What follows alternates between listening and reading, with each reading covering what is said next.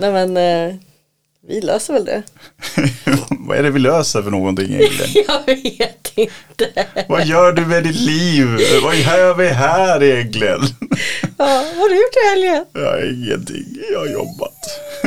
Jag gör verkligen ingenting. Ska vi köra? Ja.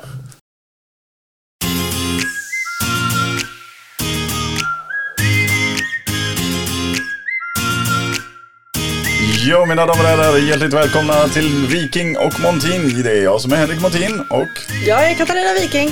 och ja, vi gör ju den här podcasten. Jag kommer på det att vi är ju lite dåliga på att presentera oss själva så här. Vi presenterar oss själva för typ första avsnittet och vi säger våra namn. Men ingen, alltså tänk dig att någon kommer in mitt i podden nu. Den har ju ingen koll på vilka vi är. Så här, vad är det här för jävla jubelidioter?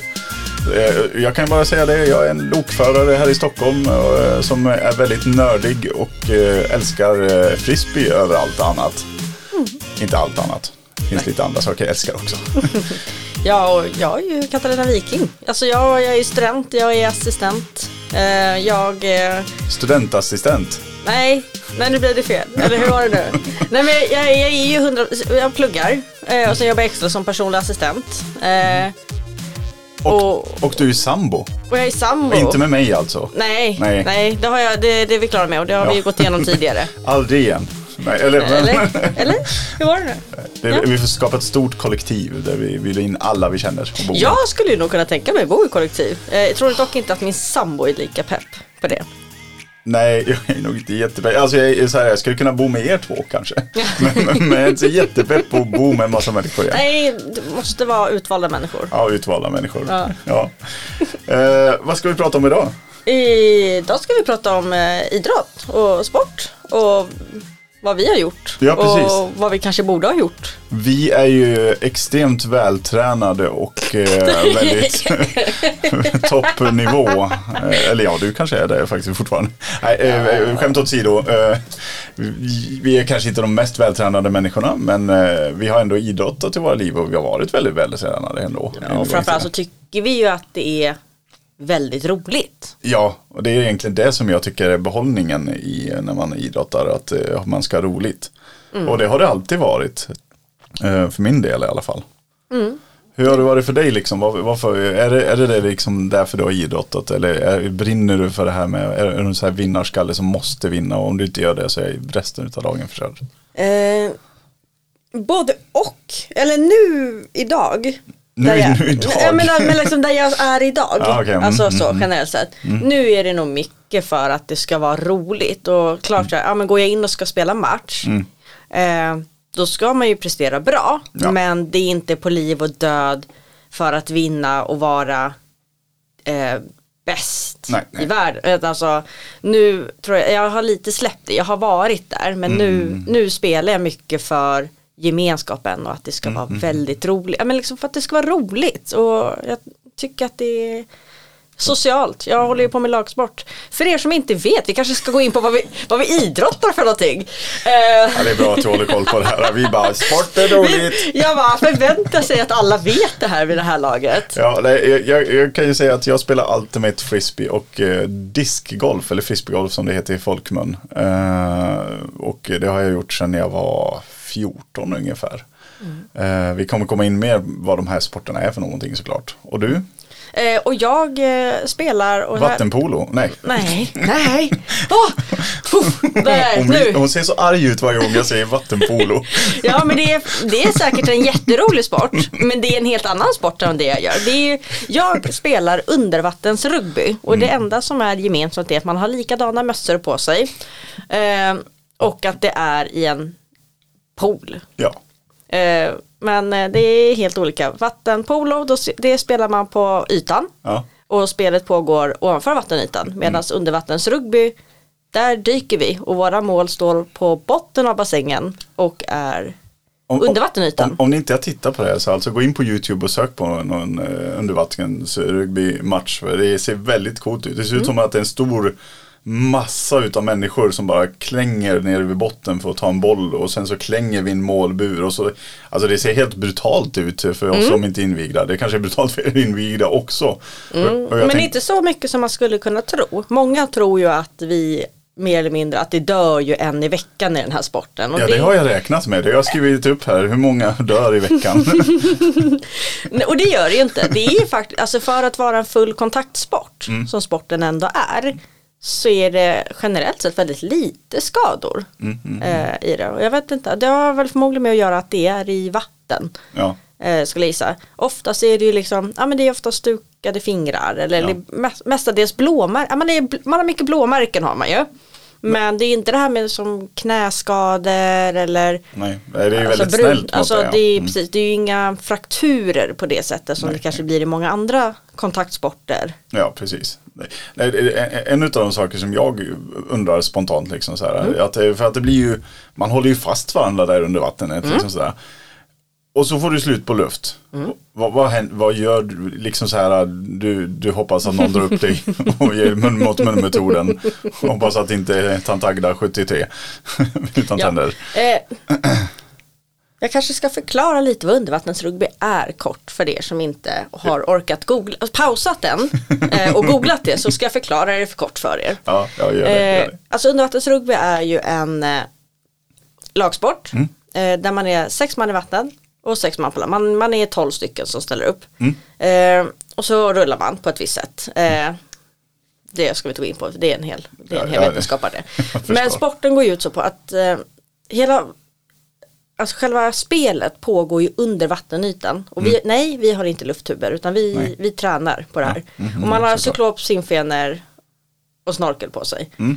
Eh, Och kanske har en baddräkt också. ja men så bara Ni är och inte helt nakna i alla fall. Nej, det är vi inte.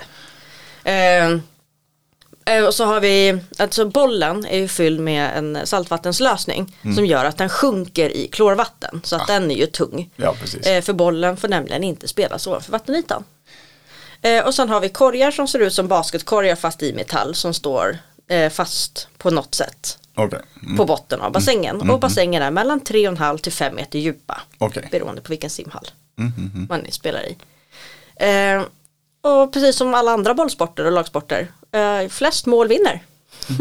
Ja, Och på ja, den ja. vägen är det. Ja, ja, ja, absolut. Eh, och ja, och det kan ju låta brutalt. Det är ju en full kontaktsport. Man får inte dra i någon typ av utrustning. Du får inte hålla på att dra folk fenor, du får inte dra dem med badkläder, du får inte slå på huvudet och du får inte hålla på halsen. Nej, jag, jag tänker att sånt här händer utav misstag ibland kanske.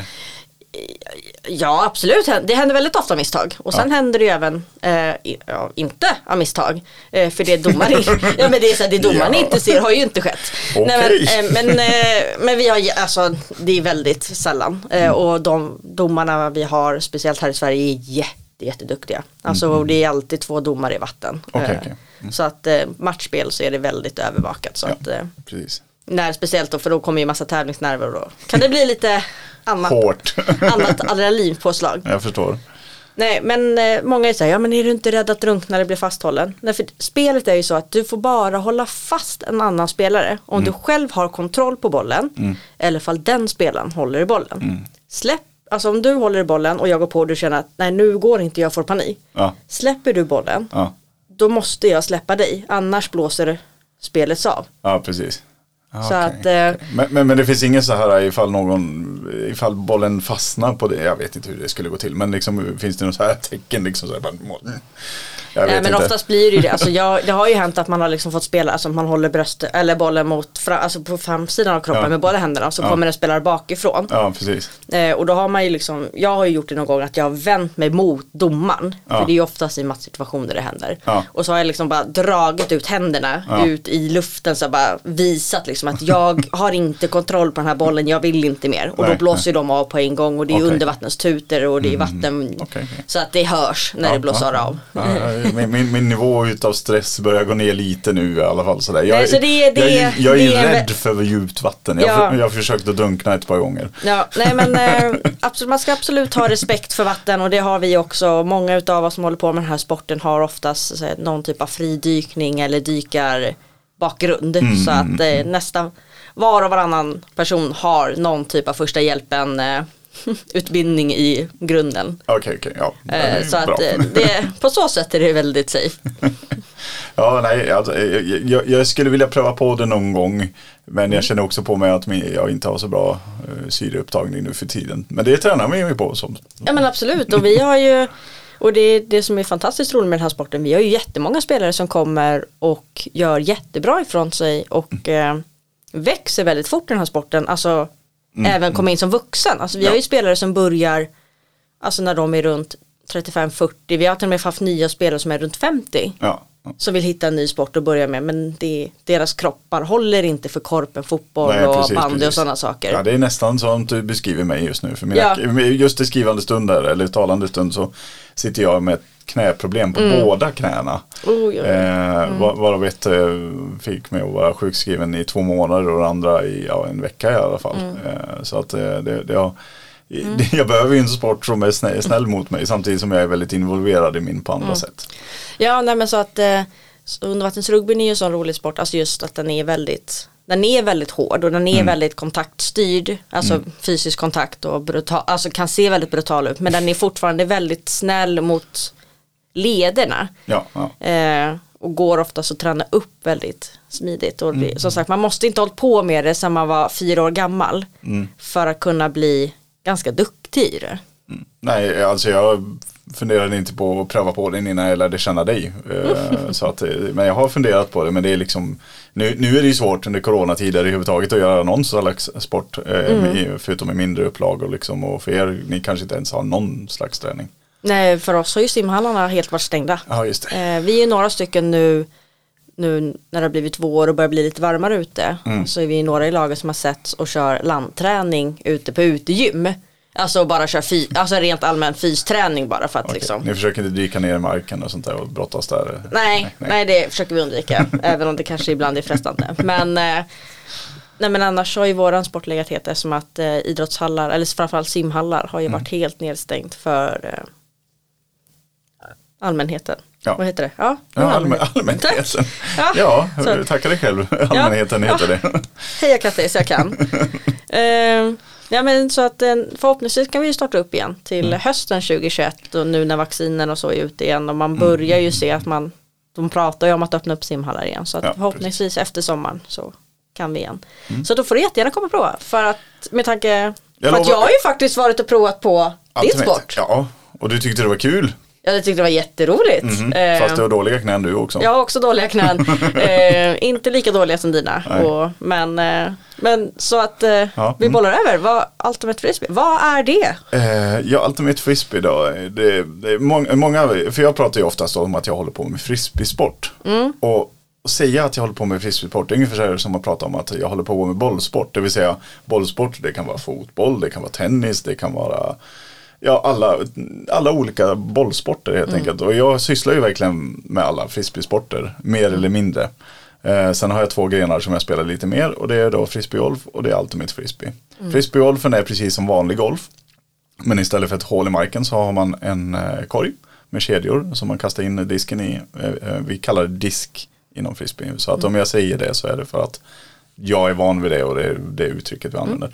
Man kastar in den där och då ramlar den ner i korgen helt enkelt. Eh, och istället för boll och klubba så har du olika diskar, alltså mm, driver, midrange, puttar och allting sånt där. Och de flyger olika beroende liksom på vad de har för form och sånt där. Så det är väldigt teknisk eh, sport och det fungerar precis som eh, liksom, lägst kast, kast vinner. Eh, Ultimate Frisbee är ju lite mer avancerat. Den är ju en kombination av många olika sporter. Man brukar, jag tror att det var en eh, journalist eh, ifrån eh, Halmstad-tidningen som var på någon sån här SM-tävling vi hade nu nere.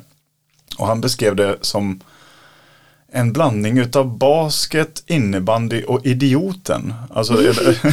Ja, men jag, ja, men jag, ja, jo, men jag förstår förklaringen som har faktiskt provat på den här sporten. Ja. Att, ja, jo, men det här känns legitimt. Och, och, och för er som inte vet vad idioten är, det är alltså när man springer eh, från en, en baslinje fram till en linje fem meter fram, springer tillbaks till baslinjen igen och sen springer man 10 meter fram och sen springer man tillbaks till baslinjen och så springer man 15 meter fram. Det, det, det handlar inte om, eh, hans jämförelse var inte att det är så man spelar Ultimate, men det är mycket springa och det är mycket fysiskt krävande och mycket snabba vändningar och sånt där. Eh, Det är helt enkelt en amerikansk fotbollsplan, det brukar folk veta vad det är för någonting med två målzoner i varje sida. Och eh, målet är helt enkelt att eh, fånga frisbeen i motståndarens målzon. Man får kasta frisbeen åt eh, hur man vill, åt vilka håll man vill. Men ta den i marken eller någonting på sidan av plan för vi spelar utomhus och inomhus. Så byter en lag. Så att det är ett anfallande lag och ett försvarande lag. Och anfallande laget försöker då föra frisbeen uppåt och försvarande lag försöker slå ner den i backen eller ta den rent av. Liksom sådär. Eh, det är ingen kroppskontakt. Mm. Så att man får inte liksom hoppa in i folk och tackla dem och sånt där. Det är tvärtom emot eran sport mm. på det sättet att det är absolut ingen kroppskontakt. Sen blir det ju sån när man spelar. Det händer liksom, man, man, springer och man blir trött. Ja, ja och det, speciellt i luftdueller, alltså när frisbeen kommer högt upp och två stycken hoppar för samma frisbee. Det är klart att man hoppar in i varandra. Men, mm. men, men det är inte det som är målet. Liksom. Det är inte det som är målet och det, det oftast blir inte påkallningar, eh, eller många påkallningar kommer ju absolut då när det blir kroppskontakt. Men det, det är oftast så sköts det på ett snyggt sätt att man hoppar ju liksom för att undvika kroppskontakten samtidigt som man försöker ta frisbeen. Så att det, mm. folk är ju bra på det här. Och de är ju, mm Ehm, ja, och sen eh, spelar man antingen på tid eller till ett eh, visst antal mål. Ehm, man byter dessutom sida varje gång, vilket är ganska, alltså vid varje mål. Och det är ju ganska märkligt för många. Eh, men det är ju liksom, inomhus kanske inte spelar någon roll, det kan det ju göra absolut. Men utomhus så har du ju vind att räkna med. Så tänk om du börjar mm eh, utomhus på eh, ena sidan och så spelar du 40 minuter i motvind. Alltså det är ju omöjligt att göra mål ibland för alltså det kan ju vara riktigt eh, jobbiga vindar. Medan andra laget behöver i princip släppa frisbeen när den flyger hela vägen fram till målzonen. Mm. Eh, och sen så kanske byter efter halva, ja men då har vinden vänt så då är det motvind igen. Eh, därför så kör man liksom att man byter hela tiden, så efter varje mål så byter man sida. Eh, mm. Vilket är ganska logiskt ja, när man tänka, tänker på det. Ja och jag kan tänka mig också som utomhus, för hur, lång, hur, länge, hur långa är era matcher? Är det två gånger 45? Uh, nej, uh, det är olika. Uh, mm. Alltså det är omöjligt att säga. Men om vi pratar på standardnivå inom VM så spelar vi väl i 120 minuter tror jag. Eh, och så mm. finns det, anti- eh, det finns ett måltak som matchen körs till eh, 15. Då är eh, halvlek vid 8 eller vid då 60 minuter. Mm. Eh, vilket som kommer först. Mm. Eh, och, sen, ja, och sen tar matchen helt enkelt slut när man, tiden går ut. beroende, det finns massa regler, mm. det behöver vi inte gå in på, men beroende på om hur nära det är så kan man lägga på ett mål och spela till det så att säga. Men, mm. men, men det, det, är tidsbegränsat i alla fall eller mm. ett poäng och oftast också ett poängtak. Ja, för jag tänker ju också när man spelar utomhus så har ju också solen väldigt ja. stor betydelse. Ja, ja, ja, alltså inte Allt bara vinden liksom. Nej, alltså nej, att också så att, äh, att man byter Ja, speciellt om man ska spela 120 minuter och det inte händer så mycket mål. Mm. Eh, alltså på, det är ju två timmar, på två timmar rör sig solen ganska mycket. Eh, jajamän, jajamän. Och liksom att spela två timmar med nästan solen i ögonen hela tiden. Ja, eh, alltså solen brukar inte vara största problemet såklart. Utan, men det, det spelar ju, allt sånt där spelar in. Alltså, det, mm. det är också liksom hur nära det kanske står träd bredvid eh, liksom planen eller gud vet vad. Liksom. Mm. Eh, så att det, det, är väldigt, jag tycker att det är väldigt smart sätt de har löst det på. Eh, mm. På det sättet. Uh, och jag har spelat den uh, ja, i 25 år nu har vi väl kommit fram till. Uh, wow, ja, ja, det är häftigt. Ja det är häftigt och jag har haft, jag har vunnit både VM och SM och lite sånt där. Och mm. trivs med det. Hm, du är nöjd där? Jag är nöjd med att ha haft den karriären även om jag hade sett att den hade kunnat bli lite längre. Mm. Alltså jag har ju folk som är äldre än mig som fortfarande spelar på elitnivå. Mm. För, och de spelar liksom en ganska eh, styrande roll i laget för att de har erfarenheten. Liksom. Men, men jag tänkte också... Eh, men håller inte kroppen så gör den inte. Nej, och det nej, kommer vi väl nej. komma in i på också. Ja, ja, jag tänkte att vi skulle göra det. Mm. Jag, jag, tänkte att vi ska prata lite andra sporter också. Mm. Jag har sysslat med andra sporter när jag var ung. Eh, mm. Eller sporter, jag sysslar med en sport. Eh, men du, eh, har du sysslat med någon annan sport? Ja men det har jag. Ja. Det har jag. jag har ju egentligen jag startade ju egentligen med handboll. Ja men det har vi eh, pratat om i ja, något tidigare avsnitt. Jag tror jag, vi har precis, jag nämner det lite snabbt där. Mm. Eller, precis, vi nämner ju det just det när i vän, vänneravsnittet. Ja där, precis, första avsnittet. Ja.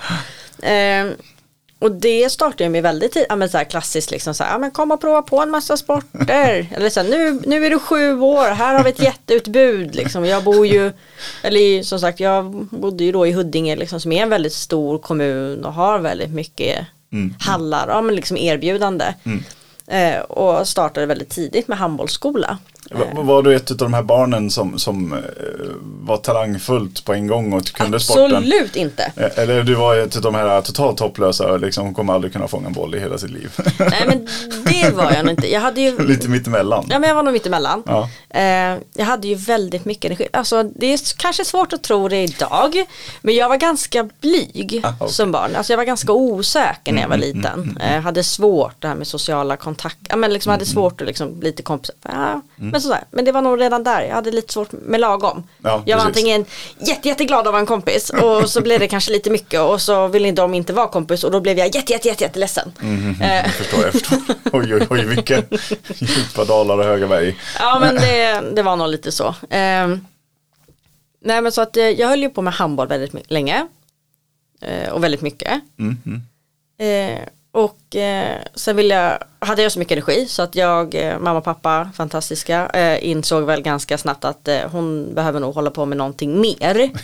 Ja, Också. Ja, ja. Eh, och eh, provade på lite men jag var så här, en bollsport räckte liksom så. Mm. Mm, Men kom in på då fridykning. Okej. Så jag höll på med fridykning ganska mycket när jag var yngre. Eh, där. Så ovanlig sak att komma in på. Fanns det i närheten eller hur ja men det sig? fanns, ja det var ju samma hall. Ja, eh, okej. Bara så här, kunde gå dit själv på tre minuter. Ja, precis. Så att det var ju jättesmidigt. Ja, ja, men då så. Ehm, och ibland så hade jag ju liksom eh, Alltså det, liksom, det var ju Huddingehallen som Mm, det heter. Eh, Och där är ju, det är ju både en idrottshall och en simhall. Smidigt. Eh, ja men så speciellt på helgerna liksom. För jag vet att vi hade fridykning på söndagar. Och ibland hade vi ju matcher på söndagar. Så ibland hade jag ju med, alltså hemmamatch då. Ja. Så ibland så spelade jag ju handbollsmatch. Ja. Och sen hade jag ju med mig mina, mina baddräkt. Så gick jag in och duschade direkt efter. Och sen körde jag fridykning direkt på det. Eh. Man har så mycket energi när man är liten. Alltså Jag barn vet. allmänt. Det är aldrig stopp på dem. Jag, jag, jag håller ju på med ett ungdomsprojekt nu nere i Haninge där, där jag typ får träffa på. Då får jag verkligen träffa på de här urtyperna som jag pratade om nu nyss. Den här som bara har så här talanger. Liksom, så här. Jag visar hur man kastar en frisbee och sen så bara två minuter senare så kastar den liksom så här 40-50 meter och jag bara Alltså när jag började den här sporten så kunde jag inte ens liksom kasta eh, tre, två meter framåt i princip. Liksom för att jag var, jag var totalt talanglös. talanglös. eh, och, men jag har också de, de här jättecharmiga, vi har en kille eh, som är jättecharmig. Men, men han, han, han har ingen styrsel, alltså de är ju så små de här. Så de har inga koll på liksom hur armar eller ben eller någonting funkar liksom. Och, han, jag tror inte han har fångat en enda frisbee sen vi började för typ fem veckor sedan. Eh, men efter varje match så, eh, så säger han, ja men jag gjorde 700 mål. Och jag bara, nej det gjorde du inte men du är väldigt söt. Och, och, men han, det han har är den här glädjen. Han är så jäkla pepp på att få spela frisbee liksom. Och han är så glad att vi få, är där. Och bara få, han är världens lyckligaste bara få vara med i ett sammanhang. Liksom. Ja precis. Och, och det, det, Fantastiskt. Det, det tycker jag är fantastiskt. Men alla de här ungarna, eh, liksom, där, där kommer jag eh, 30 plus och tycker att eh, det är jobbigt att röra på mig för mina knän håller på att dö. Och de har sprungit 15 varv runt mig innan jag ens har hunnit säga hej liksom. Och det är så, de är så många. Jag känner mig ungefär som ett så här stort berg. Ett mountain, en montin. Eh, som bara bestigs utav de här ungarna som frågar 360 000 frågor med all energi och eh, iver de har. Ja, men det är härligt det också. Ja, och det det är därför jag är glad att kunna ge tillbaka till sporten. Ha- ha- Hur har ni det? Finns det någon sån här ungdomsverksamhet eh, inom eh, undervattens rugby? Ja men det gör det. Mm. Eh, Vi har några eldsjälar som här i Stockholm Mm. Eh, sliter på söndagar vet jag att det är så kommer jag inte ihåg om det finns en annan dag i veckan. Jag är lite dålig på ungdomsverksamheten faktiskt. Mm, Eh, Jag har inte vågat gå in och ta på mig det även om jag skulle tycka att det är jätteroligt. Ja, Eh, Men jag har en tendens att ta på mig för mycket saker. Eh, nej, men så det finns en ungdomsverksamhet för barn eh, och den är ju igång nu eh, under pandemin eftersom att många eftersom att det är ju barn under Men vad heter den klubb om man vill googla där?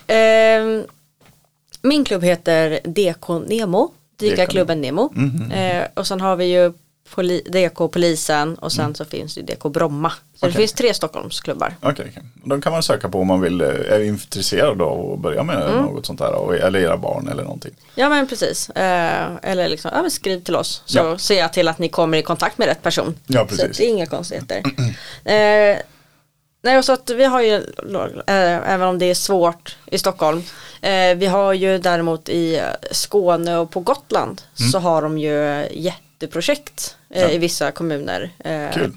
där de faktiskt har riktigt stor, alltså Gotland har till exempel en jättestor ungdomsverksamhet. Så det är jätte, jätteroligt att se liksom att det finns ungdomar någonstans. Ja, precis. för det är ju lite svårt, alltså här i Stockholm blir det ju Vad är problematiken? Har ni samma problematik med oss? För vi har ju det här problemet att eh, vi får inte halvtider, vi får inte liksom planer och sånt där. För att Stockholms stad har ju för lite. Alltså det är helt sjukt att huvudstaden i ett land som Sverige som har så mycket idrott har för lite idrottshallar. Eh, där det finns så mycket människor och så mycket potentiell eh, talang liksom. Ja men det är väl för det. Alltså det är svårt med tider. Mm. Eh, de tider som får blir ju oftast Ja men det blir helger eller kvällar. Ja. Eh, för de här yngre barnen. Mm. Eh, och när de är så små så är de ju beroende av sina föräldrar. Så att då blir det ju en problematik där. Mm, mm. Eh, sen är det ju en problematik i att det är en liten sport som kanske inte alltid nås, kommer ut och nås ut. Mm.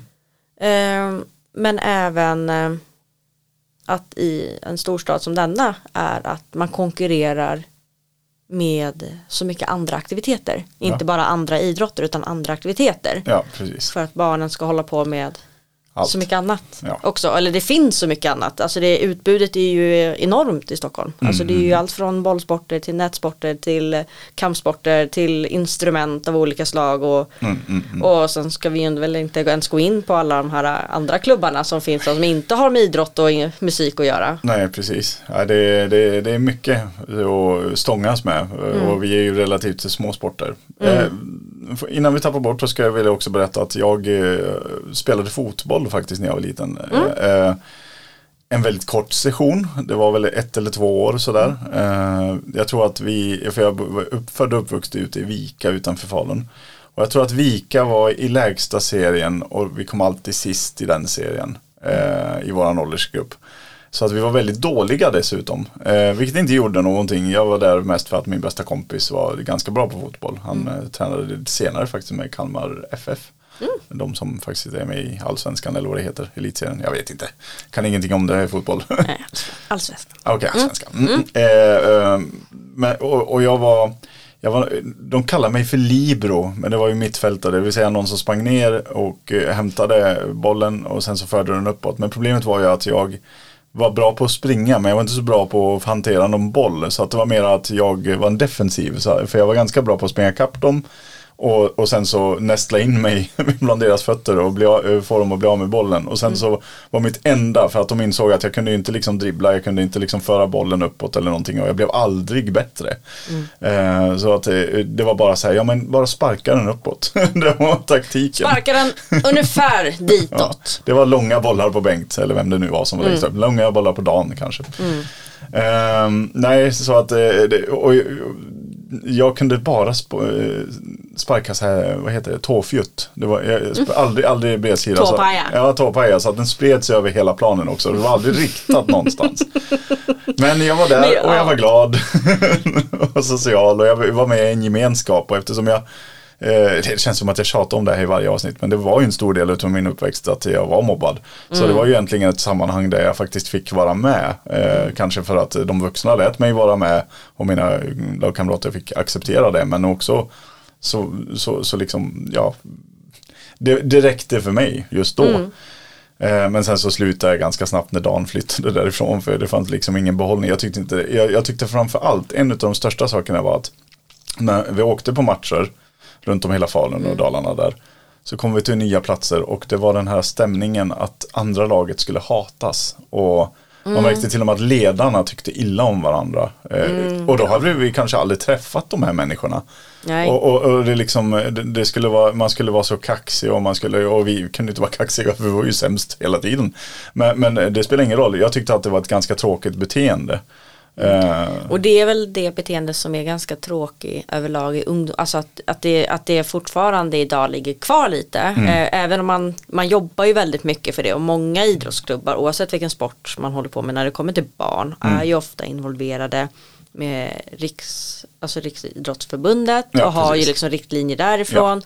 Eh, men även många är ju med, alltså samarbetar ju med Friends. ja, Eh, Just för att allas rätt att kunna vara med. Och Eh, och det är liksom både Och det har man på ena sidan men sen så har man också andra sidan där man ser eh, idrottare, alltså Mm. missförstå mig rätt nu, jag tycker att han är en fantastisk idrottare men han är ju, eh, Zlatan pratar jag om, Mm. Han, men han är ju väldigt kaxig och väldigt eh, liksom, det ska vara liksom munhugg, alltså det ska Mm. vara väldigt eh, nedtryckande nivå på hur han pratar om motståndare och till och med, med, med om medspelare ibland. Mm. Eh, sen kanske han med, eh, ofta gör det på en skämtsam nivå. Men, men det är Ja, men det- svårt han- för barn att förstå, Förstå det. förstå den skillnaden att, att eh, han, han retas med sina lagkamrater kontra att han faktiskt tycker så. Nej men jag vet liksom på stämningen för jag har ju eh, För jag spelade ju handboll väldigt många år eh, Om vi ska gå in då på Mm. Ja. skadorna nu på en Ja, gång ja. För en av de anledningarna som gjorde att jag slutade med handboll eh, Var ju att jag vred mitt knä. På en utomhusturnering. När jag var 15-16 där någonstans Mm, mm. Eh, jag fastnade eh, på Eken Cup, en av eh, Nordens vet jag, vet inte om det är Europa, men en av Nordens största utomhusturneringar som spelas i Stockholm, eh, ute vid Gubbäng, Gubbängsfältet. Så ställs upp liksom, hundratals med handbollsplaner. Så håller den på i flera dagar. Och där blir det en kontring, alltså när spelet vänder väldigt, väldigt fort. Eh, var att jag ska vända mig om. Jag vrider mig men min fot fastnar i en grästuva så att jag eh, vrider knät. Eh, det hoppar inte i led men jag krossar min menisk. Aj. Eh, Aj. ja det, det gjorde jätteont kan jag berätta. jag, tror de två, eh, två, tre planerna runt omkring stannade sitt spel också för att jag skrek så högt när det väl liksom kopplade att det här gjorde ont. Med rätta skulle jag säga. Mm. Eh, men ah, lite problemet är ju liksom att det var ju innan man riktigt trodde på ungdomsskador och så. Eh, Eftersom att det inte var någonting som stack ut eller att knät inte var ur led. Ja. Det var lite svullet bara. Ja, lite svullet, det var enormt.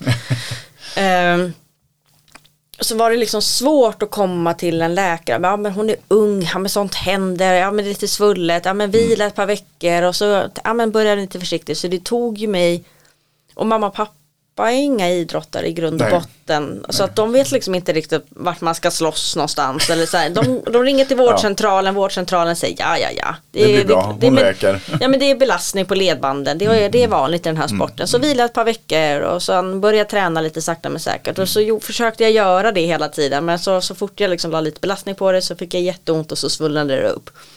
Det tog ju mig åtta månader innan det var en privatklinik som faktiskt hörde av sig och kunde ta emot mig och jag fick göra magnetröntgen. Mm. Där man kunde konstatera att, eh, att vissa delar av min menisk var ju söndersmulad. Alltså den var ju jättekrossad. Så att de, och då hade det gått så lång tid från att skadan skedde. Mm. Så då vilket gjorde att då var man inte prioriterad till operation. Nej, precis. Eh, för det, det ska man ju i så fall göra helst inom åtta veckor. Ja. Men det hade ju gått åtta månader innan jag ens fick magnetröntgen. Så då fick jag vänta ytterligare sex månader innan jag fick göra min första titthålsoperation. Ja, precis. Sen har jag gjort illa mina knän och gjort två titthålsoperationer till efter det också. Men det är en annan historia. Oh. God, dessa knän. Mm, ja men det är ju det liksom. Alltså, I de här kontring och det jag kan tänka mig att Ultimate Frisbee Även handboll är ju en kontaktsport så att det Mm. sker ju mycket sånt men Ultimate Frisbee har ju samma grej där med. Alltså det är ju innebandy fotboll, alltså de här snabba vändningarna liksom är ju otroligt hög eh, belastning på Mm. precis. fötter och knän. Ja, och luftdueller där man landar fel när man kommer ner och sånt där. Det, Mm. Ja, men alltså, det jag, vet tiden. inte, alltså, jag vet inte, jag kan inte ens räkna hur många gånger man har stukat fötterna. Ja, precis. Och de här riktigt, eh, liksom när man tokstukar i fötterna också. Mm, ja men liksom när tränaren kommer fram och trycker dit någon Ja. hård grej och lindar och så bara, så här, jag kommer ihåg första gången när jag gjorde min riktiga stukning. Ja. Eh, och hon lindar så och bara efter några minuter jag bara Mina tår är blå. Och hon bara det ska vara så det Rör inte det det ska sitta på i 20 minuter. Jag bara men ja mina tår kommer där och hon bara nej det kommer de inte. Och det gjorde de ju inte. Nej, nej, du Eh, har alla kvar vad du vet. Ja. Men jag kommer ihåg den paniken innan man visste vad som behövdes göras liksom. Eh, Nej, det är, men, men, så, så här, men då spelade jag på och sen eh, när jag någonstans insåg att det går inte med handbollen längre. Det är bara att lägga ner den. Alltså för att då hade man halkat efter det handbollsträ. Alltså det, de som hade valt att fortsätta satsa, de var så långt före. Eh, alltså speciellt om jag ville spela med och där hade jag liksom, jag hade aldrig, kommit upp på den. Eller jag hade inte motivationen nej, att träna Ja. på det sätt man behövde träna för att komma upp på den nivån. Eh, Och där hade jag lite tur i, alltså turen då att jag hade då undervattensrugben som är snäll mot kroppen. Ja. Eh, Men efter ett par år efter att fått eh, landa och lägga handbollen på distans så blev jag ju handbollstränare tillsammans med en gammal vän till oss. Ja, precis. Klas. Klas. Precis, där vi tränade eh, tjejer. Ja. Eh, och det var ju skitroligt att få vara med i det. Där höll jag på i två eller tre säsonger Mm, och följde dem. ja, och det är väldigt givande att hålla på med sånt skulle jag Ja, säga. ja, men liksom, ja, men de kommer ju också med så mycket roliga grejer. Alltså, Jag kan bara tänka mig. ja men, jag, ja men vi hade lite övningar för de var ju liksom där runt 10-11 års åldern. Ja, men liksom också börja träna det här jämt, att man inte ska bli så ensidig och bara träna samma håll. Liksom. Att man även ska träna det hållet man kanske inte är dominant mot. Ja, precis. Eh, inte för att kanske alltid kunna spela men åtminstone kunna ta emot en boll Ja. med andra handen Ja, eller precis. kunna flytta ja, men liksom, eller vad som Ja, helst. ja. Och så var det någon som bara, men varför, om jag är högerhänt, jag förstår inte Kattis, varför måste jag kunna göra det här med vänster? Ja men varför tror ni? Varför Mm. tror ni att jag står här och tjatar att ni ska kunna studsa bollen med vänster när ni är högerhänta? Ja. Och de funderar och de funderar.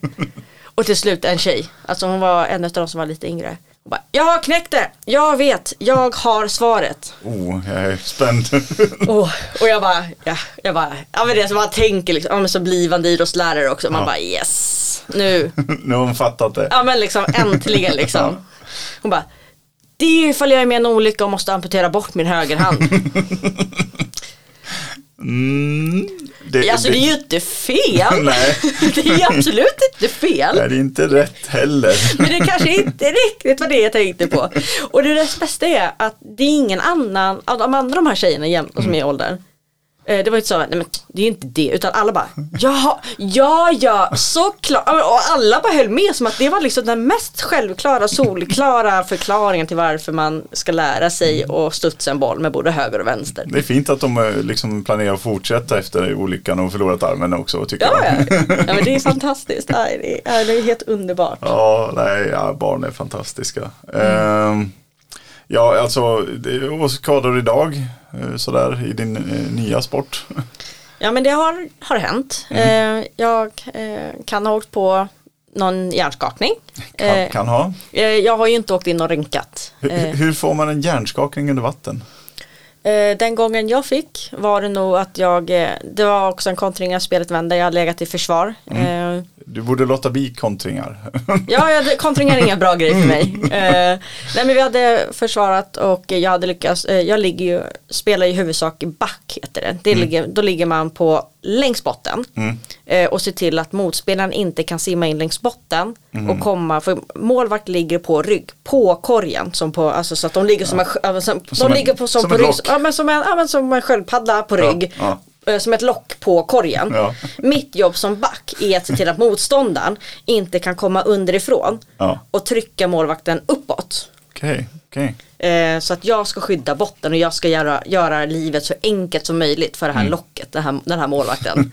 det, är liksom, det är mitt enda jobb. F- Får locket hålla i sig i målburen? Absolut inte. Ja, Okej, ja, då förstår jag verkligen. Eh, så mitt jobb är ju liksom att se till att livet ska bli så enkelt som möjligt för målvakten. Ja. Eh, så jag hade liksom lyckats stoppa en spelare Mm. eh, och liksom bara alltså skjuta ut bollen, alltså bara kasta, alltså så putta ut bollen så långt jag bara kan. Ja. Eh, för att sen eh, skulle min eh, partner, man är ju två vid varje position. Som så- växlar. Som Mm. växlar, eftersom att vi håller ju andan. Du, du kan inte hålla andan i, hur långa är matcherna? Eh, 15 minuter rullande spel. Ja, det, Eh, det är svårt att effektivt hålla, spel. det är svårt att hålla andan. Det gör inte ens världsmästarna. eh, nej men så man är två på varje position som man liksom växlar. Ja. Eh, eh, och eh, när på vägen upp Mm. så slappnar jag lite, alltså så att jag tittar mig inte riktigt för. Så vilket gör när en motståndare också ser att bollen åker ut, han måste ju bara tvärvända. Ja, För att han måste ju försöka stoppa bollen så att det inte en av våra snabba spelare drar. ja precis. Eh, det här är ju en ren olycka, så jag, för jag ser ju han i ögonvrån. Ja. Eh, men det är ju att han ska ju ta sats att skjuta från väggen för att få extra Ah. fart. Och jag har bara gått upp och ser i ögonvrån, jag hinner, inte- jag hinner se foten men jag hinner inte göra någonting åt det. Nej. Så jag får ju en spark, en avstamp i huvudet. Ja, Eh, men jag är ju så nära väggen så jag får först en stamp Ja. från honom som sen skjuter in mitt huvud i kakelväggen. Eh, Om ni vill pröva den här sporten så nej, nej. Nej, Men så, sa- och det här är ju otroligt ovanligt att Ja. det händer. Det här är ju ren ja, otur. ja, det är ju otur. Det är klart att det är. Eh, men någonstans det som insåg var så här, ja, men, och så man, man har ju sånt adrenalinpåslag när man spelar match. Mm. Så upp och ja det gjorde jäkligt ont men man sprutar lite kallvatten och så skakar man lite och så håller man upp händerna framför. Jo men jag ser fortfarande bara fem fingrar. Ja, men det, blir- det blir nog bra. Då så. Då så, vi kör. Eh, och så kollar man lite, man drar ett finger genom munnen och bara, ja men jag blöder inte. Ja men då så, bra, gött. Eh, Jag gillar match och bara fem fingrar, okej då är det okej. ja men och sen så Men sen står vi ju då på max, det är så här standard efter vi har spelat eh, match att man åker och äter mat. Eh, och står där och bara eh, Kan någon betala min mat? För jag kan inte min pinkod. jag bara, och så var det lite, de bara, ja nej jag kan klara betala. Jag bara, jag ska nog inte köra bil. För jag är lite tröttare än vad jag borde vara.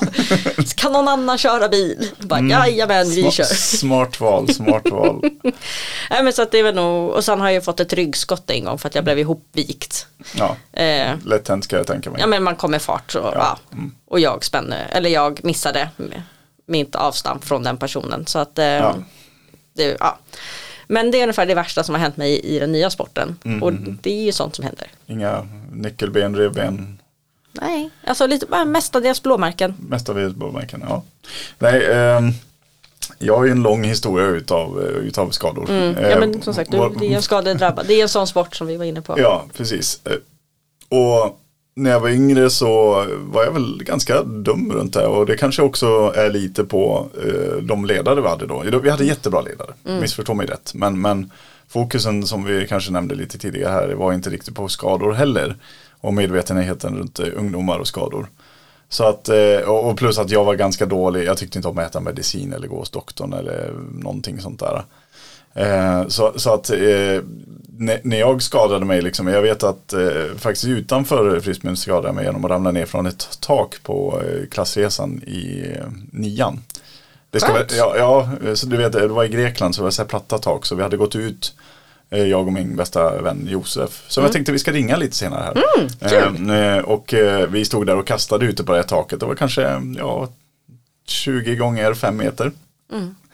Och jag, eh, han kastade frisbeen ovanför mig men jag hade ju ställt mig liksom en bit in så jag visste att jag har flera meter bak innan liksom det är något farligt och åt sidan var det inget problem för det var mitt över mig. Liksom sådär. Jag har två och en halv meter bredvid mig också, jag kan ta vägen. Men det jag inte sett är att det finns en liten så här, så här sollucka eh, i, i taket ungefär två meter bakom mig. så att frisbeen flyger över mig, jag vänder mig om, tar ett steg uppåt för att nå den. Och jag är ju liksom, jag tänker mig att marken kommer ju finnas där, eller taket i det här fallet. Eh, så jag tar den och så ser jag hur min fot bara försvinner rakt igenom en jättetunn så här halmmatte liknande grej som bara liksom, ja, hänger i den här öppningen. Och jag, tänk, jag, hin- jag tänker verkligen, det här, det kommer ju ont. Ja men bara det att man hinner, hinner tänka det. Fan, det här kommer göra ont. Ja, eh, jag hinner inte ta, ta emot mig någonting. Och det jag gör i fallet, det är att jag vänder på mig. Så att jag, jag, jag tar den med fötterna först, vänder mig i luften så att jag kommer randa med ryggen först. Eh, kan gå fel? vad kan gå fel? Så, och rakt ner, och vet ni vad, vad det finns nedanför den här äh, öppningen? En väldigt lång stentrappa. Så jag ramlar rakt ner på den här stentrappan med min rygg först. Gör kullerbyttor hela vägen ner. och på vägen så viker, alltså det är otroligt att jag inte går sönder mer eh, än vad jag gör. Men ända sedan dess så kan jag knäcka på eh, nacken hela tiden. Alltså verkligen hela tiden, jag kan på kommando. Ehm, men framförallt så gick ett ben i min fot sönder. Och det här var en vecka innan SM var. Så att, ja, så att eh, vi åker hem på söndagen och nästa fredag, ja men då, eller lördag så börjar ju SM. Mm. Eh, jag spelade med mitt brutna ben i foten, jag gick inte till en doktor heller. Nej men såklart. Nej. Man tejpar ju bara. Ja, man tejpar. Ja. Eh, det, det gick ju bra. Men eh, sen hade jag ju problem med fötterna i, liksom, jag har fortfarande problem med fötterna. Och det är säkert någonstans där det började. Eh, och nacken, den, det är ju en Den- historia den i sig. Den, den är också liksom fruktansvärt dålig. Så att, eh, ja, mm. Eh, där började mina och jag kollade aldrig upp de här sakerna. Men i frisbeen så skadar man mycket när man slänger sig och liknande. För alltså når man inte frisbeen så slänger man sig efter den och då slår man i knän och höfter och sånt där. Alltså, allt som oftast gick omkring med blödande sår på höften. För, för att man slängde, för man gjorde det på träningar också. Det var ju liksom alltid 100% i allting liksom när man är ung och dum. Ja, ja, ja. Alternativ till det fanns Ja, inte. nej. Eh, Och nu när jag har blivit äldre så har ju knäna kommit och sånt där. Plus att jag, eh, fötterna gjorde att jag inte kunde spela på många år. Alltså det var riktigt illa ett tag liksom. Eh, Det var så illa så att när det var som värst så kunde jag inte gå fem meter utan att bli sjövröt utav svett liksom. Och det, det var för att jag, när jag började få hälsporre och jag fick det i båda fötterna på grund av frisbeen. Eh, så fortsatte jag spela. Jag spelade i landslaget, jag spelade i klubblaget och allting. Jag bara fortsatte rakt 110% för jag klarade av det. Det gjorde väldigt ont, men jag klarade av det. Men det gjorde ju också att mina skador fick jag aldrig läkas. Du fick aldrig vila liksom. Aldrig vila. Så att eh, nej, det är mycket som är trasigt tyvärr idag på grund av det. Så att eh, om det är en ungdomar eller föräldrar och sånt där, liksom ta skador på allvar. Eh, och det är skittråkigt att missa en SM-tävling och det är skittråkigt att och, och liksom eh, inte kunna träna på ett bra tag. Men alltså att kolla upp det och låta det vila. Ja visst, barn läker snabbt.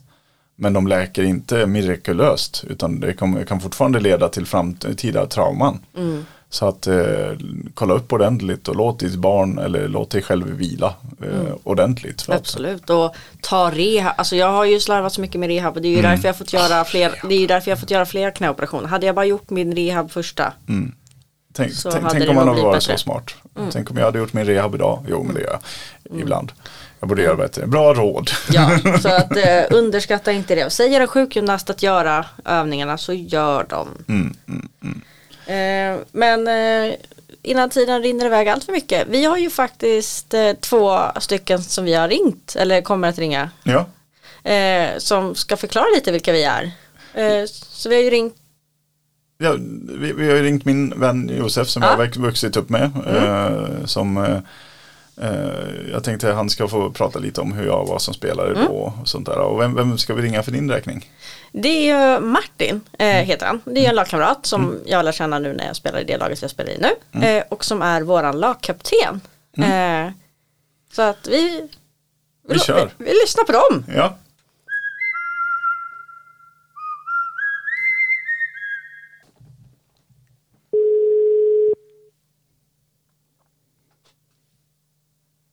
Får se om han svarar nu då. ja. Busy busy. Det här är Martin. Nej men hallå Martin. Hej Martin. Hej, hej, hej. Välkommen till podden. Tack så hjärtligt för det.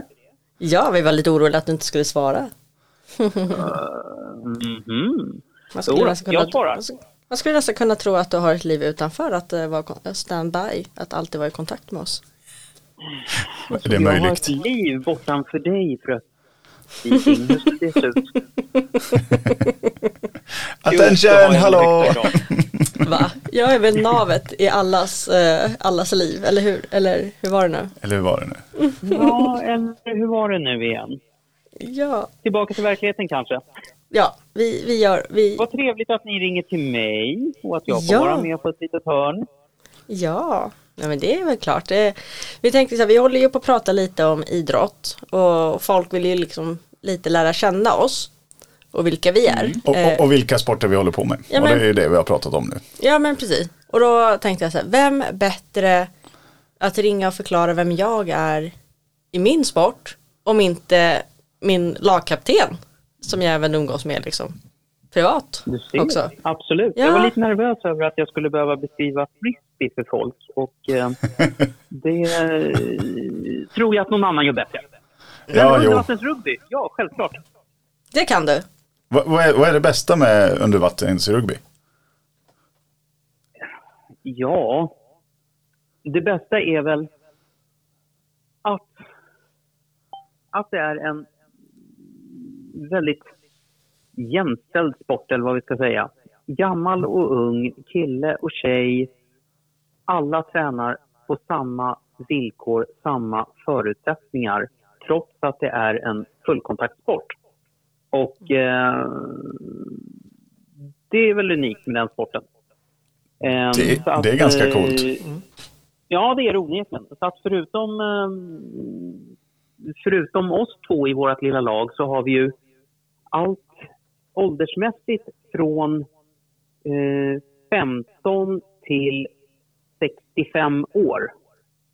Och eh, jag skulle gissa viktmässigt har vi nog mellan 55 kilo till 130 ja, 50, kanske? 55 upp till eh, 120 någonstans.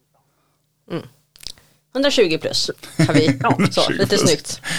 Så att eh, det, är, det är ett otroligt spann och eh, alla kan mycket väl ha lika roligt. Och eh, alla kan dra sitt strå till stacken och eh, bidra till att ens lag gör framgångar. Mm, mm, coolt, coolt. Ja, om vi ska prata, prata mig då. Tillbaks till Viking nu. Tillbaka till mig Tillbaka nu. till fokusen, det är det viktiga igen. Kör, Katar- Ja. Kör nu Katarina. Men, eh, men om vi skulle säga, lära känna mig, vem skulle du säga vem jag är i laget? Ja, nu så vill jag till att börja med sno ord ifrån en eh, eh, konkurrerande klubb, säger man så? Nej, men en, eh, en annan klubb som eh, efter en match eh, ställde frågan till, ja vi var några stycken som stod på kanten, så ställde de frågan så här, ursäkta, den där arga tjejen i ert lag, vem är hon? Ja, Ja, det var ju som sagt Katarina Viking. Den arga alltså. den arga lilla tjejen. Oj då. Ja fast det är väl kanske Ja. mer, det är väl mer mig kanske, eller var jag det utanför plan också eller är jag, är jag bara det när jag kanske är i själva spelet som spelare? Eller jag kanske är samma Det var person, väl- jag kanske det alltid är. säkert att du hade hoppat upp på kanten och fräst och spottat och svorit och sen om det var utöver dina egna prestationer eller om jag hade gjort något fel eller om helt enkelt motståndarna var, var elaka mot dig. Det eh, förtäljer inte historien. Eller alla, all, allihop kanske. I en Kan symbios. mycket väl vara fallet. Så jag är arg, den arga flickan. ja, flickan. Ja. Mm, Ja. Nej, så är det absolut inte. Eh, jag tycker att eh, du är ett eh, solsken och tillför mycket, mycket humor och mycket glädje och eh, en kämparanda till eh, vårt lag och våra spel. Kamratanda helt enkelt. Kamratanda, absolut. Och sedan så ska vi inte sticka under med det att det är fantastiskt roligt när det är mycket tjejer med och spelar. För att vi är en där alla kan bidra på samma sätt. Men på något sätt fullständigt outgrundligt när man är i princip naken och man får eh, slå och klämma på varandra och allting sånt. Så är det inte så många tjejer som är med, tyvärr. Mm, mm, mm. Det, det är synd, det har vi, vi problem med våran sport också. Att det, det är för, för lite tjejer i sporten. Det finns ju tjejer såklart, men vi vill ju alltid ha fler. Vi jobbar ju på det hela tiden oavsett Absolut. vilken sport det är i. Så är det ju. Ehm, och eh, ska väl också säga det i samma andetag. Om nu någon lyssnar som säger att Åh, undervattensrugby verkar roligt och det skulle jag vilja prova. Och sen så hör de precis vad jag sa om att man var naken och att man tar på varandra och allting sånt. Att eh, det är en stor skillnad på sexuella ofredanden och på det sättet som man eh, slåss om en boll under vatten. Så att det Mm. får man se till att särskilja och eh, eh, vi står nog ganska så eniga om att, eh, eller hela undervattensrugby, Sverige och världen, att eh, vi ska inte, ingen ska behöva känna sig obekväm. Nej, Utan nej, det här precis. ska utföras på korrekt sätt. Ja, ja. Ja, nej, jag har ju sett lite matcher nu sen, eh, inte sett hela matchen, men jag har ju tittat på från inspelningar. eh, Och jag har förstått att det är absolut inte samma sak, utan det är, det är liksom rent idrottsligt. Och visst, det är mycket närkontakt och sånt där, men det är ju en del utav sporten, eh, utan att den går överstyr på något sätt. Ja, Nej men det är jag. Jag är tydligen glad och jättearg som vanligt. inget, inget lagom, det är tydligen inte jag.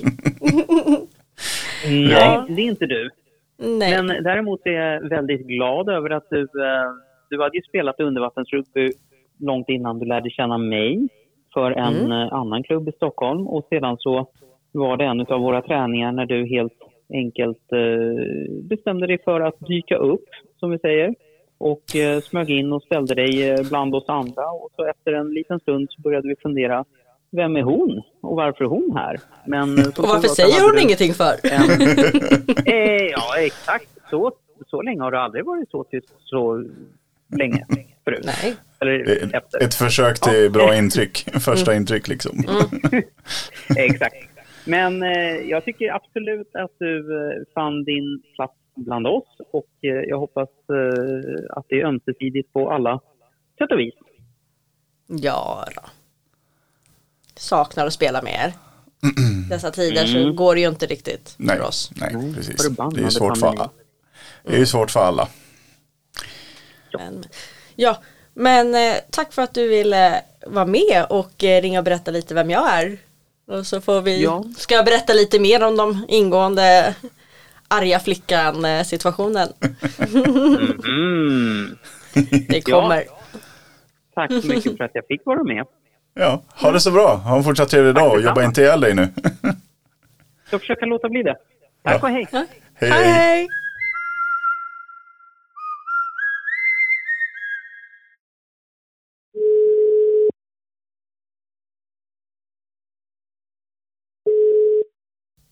Ja, Josef. Ja men hallå, Josef Karlsson, min ungdomsvän, barndomsvän kan man väl kalla dig. Välkommen till podden. Välkommen! Tack så mycket. Eh, vi, vi sitter här och diskuterar de sporter vi har eh, spelat tillsammans. Eh, och jag har ju discgolfen och ultimaten. Men du har ju speciellt följt med mig på resan genom ultimaten. Och eh, jag tänkte höra lite med dig, eh, för våra lyssnare är nyfikna, lite om hur jag fungerar i, i ett lag och vem jag är och sånt där. Men också vilken spelartyp jag har varit eh, och hur det har förändrats. Så skulle du kunna berätta om när vi var unga? Vilken spelartyp var jag då? Vad var min, hur var jag som person eller människa i laget och sånt där? Ja, alltså jag tänker att vi var ju ett ganska litet och sammansvetsat gäng där som körde och alla hade ju sina roller ganska klara. Mm, det var Det väldigt var tydligt. nära positioner på planen. Vem som var mitt och vem som var topp och vem som var back och sådär. Mm, mm, mm. Folk visste vad de skulle göra. Ja, precis. Och eh, du var ju topp. Jag var mitt. Så hade vi Johan och Joel som var backar till exempel. Och i det här fallet så topp det betyder den som är längst upp mot mm, målzonen, den som är mål helt enkelt. Och backarna är den som för Ja. spelet framåt eh, för de som inte känner till sporten så bra. Mm. Men Sen eh, har väl det kommit, det har förändrats lite med åren då. Du var, eh, blev lite stadigare som spelare och eh, skadedrabbad. då, som är den här som för, för spelet framåt från, från backlinjen helt enkelt i anfallet. Mm, mm. Hur, Eh, ska jag säga. Och Hur är- sen om man säger hur din roll i laget så ja, hur är, jag jag skulle som, säga att du, ja, hur är jag som lagkamrat liksom? alltså en mindre, du, jag skulle säga att du, du, stack kanske inte ut. Det är klart, du har alltid varit en person som har varit lite så kul liksom. Och Mm, mm. haft lite upptåg och sådär. Men ändå mer diskret roll tidigare i laget skulle jag säga än vad du har haft nu. Ja, precis. Och ja, Ja, nej men det är ju stor skillnad från när jag var, var yngre så att säga och eh, försökt, då vi verkligen satsade. Eh, så var det ju, när det var match så var det liksom match och då var det full fokus på det.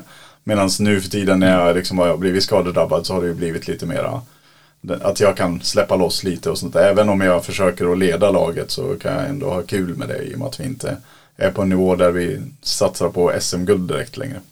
Till skillnad från när man var Mm. ung. Nej men Ja. eh, och, och, och, och till sist här, jag tänkte höra, var- varför tycker du att folk borde spela Ultimate? Varför skulle Katarina börja spela Ultimate tycker du? Katarina. ja men alltså det är, jag vet inte om det passar alla precis, alla i hela världen att spela Ultimate. Men det är ju, det är en ganska mångsidig sport tycker jag. Man använder kroppen ganska bra liksom. Jag Mm. tycker det är ett härligt sätt att röra sig. Mm, mm. Ehm, det är en härlig, liksom, lite fri känsla att nästan flyga fram och hoppa och ta en frisbee och sådär. Eh, det är ofta väldigt bra stämning i sporten och det tror jag ehm, ja, det är liksom en speciell gemenskap också, en speciell kultur. Ja, precis. Stämning i Och, och en av de få och sport... det betyder jättemycket att alla är väldigt vänliga. Man är liksom kompisar Ja, precis. eh, utanför planen också. Och en av de få sporter där man faktiskt har spelat mixat också. Som precis som uh, undervattensrugby. Ja, precis. Ja, just det. Mm. Ja, nej men eh, då så. Tack så mycket Josef för att du var med. Och så får vi helt enkelt uh, höras av. Ja, Ja. Ja, tack så mycket, ha en bra dag. Tack, hej! ha det. Hej.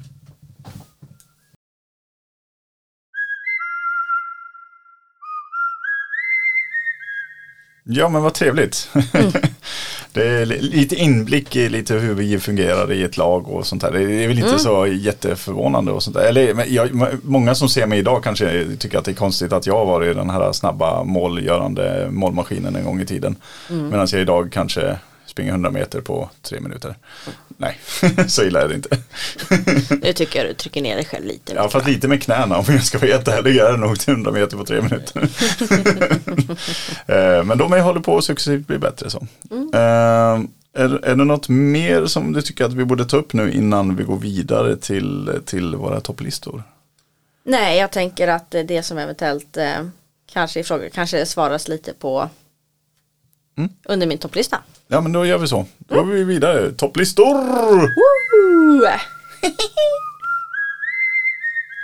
Boom! Eh, och eh, vi, vi ska prata lite så här topp tre ögonblick, upplevelser, whatever you call it. Vi får, vi får se. Eh, Vems tur är det att börja? Jag kommer aldrig ihåg vem som var senast. Nej, inte jag heller. Vill, vill du, vill jag? Mm. Vill någon annan? Tystnaden är total. Sixten är inte här idag. Nej, Sixten inte. Han fick vara hemma. Han fick vara hemma. Jag trodde han skulle följa med så jag slängde ut min katt. Ja. Nej, han fick vara hemma idag. Eh, han skulle ändå sova. Men, men, men jag, då tycker jag att du kan börja. Ja.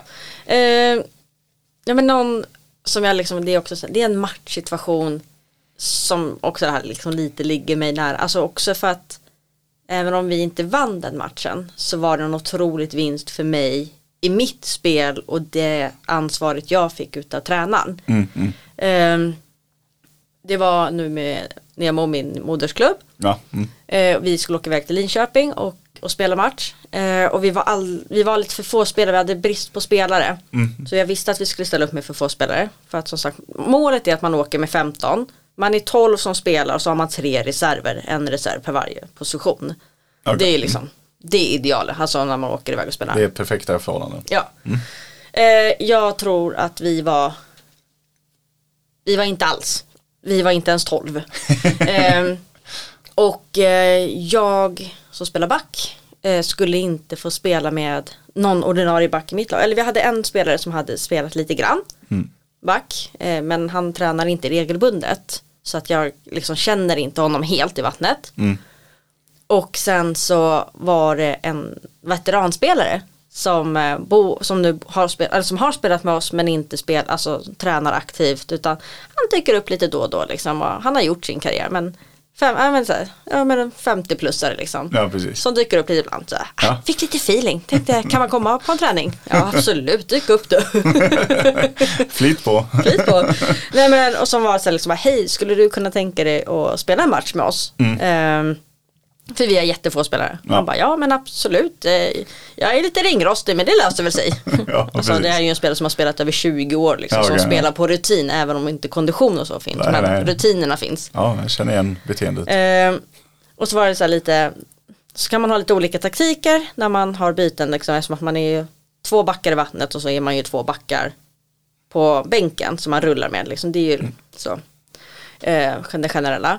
Men eftersom att vi var ju tre nu så, alltså, så hade vi liksom inte, då skulle det betyda att vi rullar. Och då, där gick ju min tränare in och bara Fast ni tre är inte samspelta nog att kunna rulla på tre för risken är att, båda, alltså att vi båda backar kommer hoppa upp i vattnet samtidigt. Ja, Och då blir det, för man får inte hoppa i hur som helst, man måste gå till en viss zon och hoppa i. Men det är för att det inte ska kunna bli skador, att jag man förstår, hoppar. jag förstår, jag förstår. Eh, så då fick jag bara orden. Viking, du eh, ligger i vattnet hela tiden.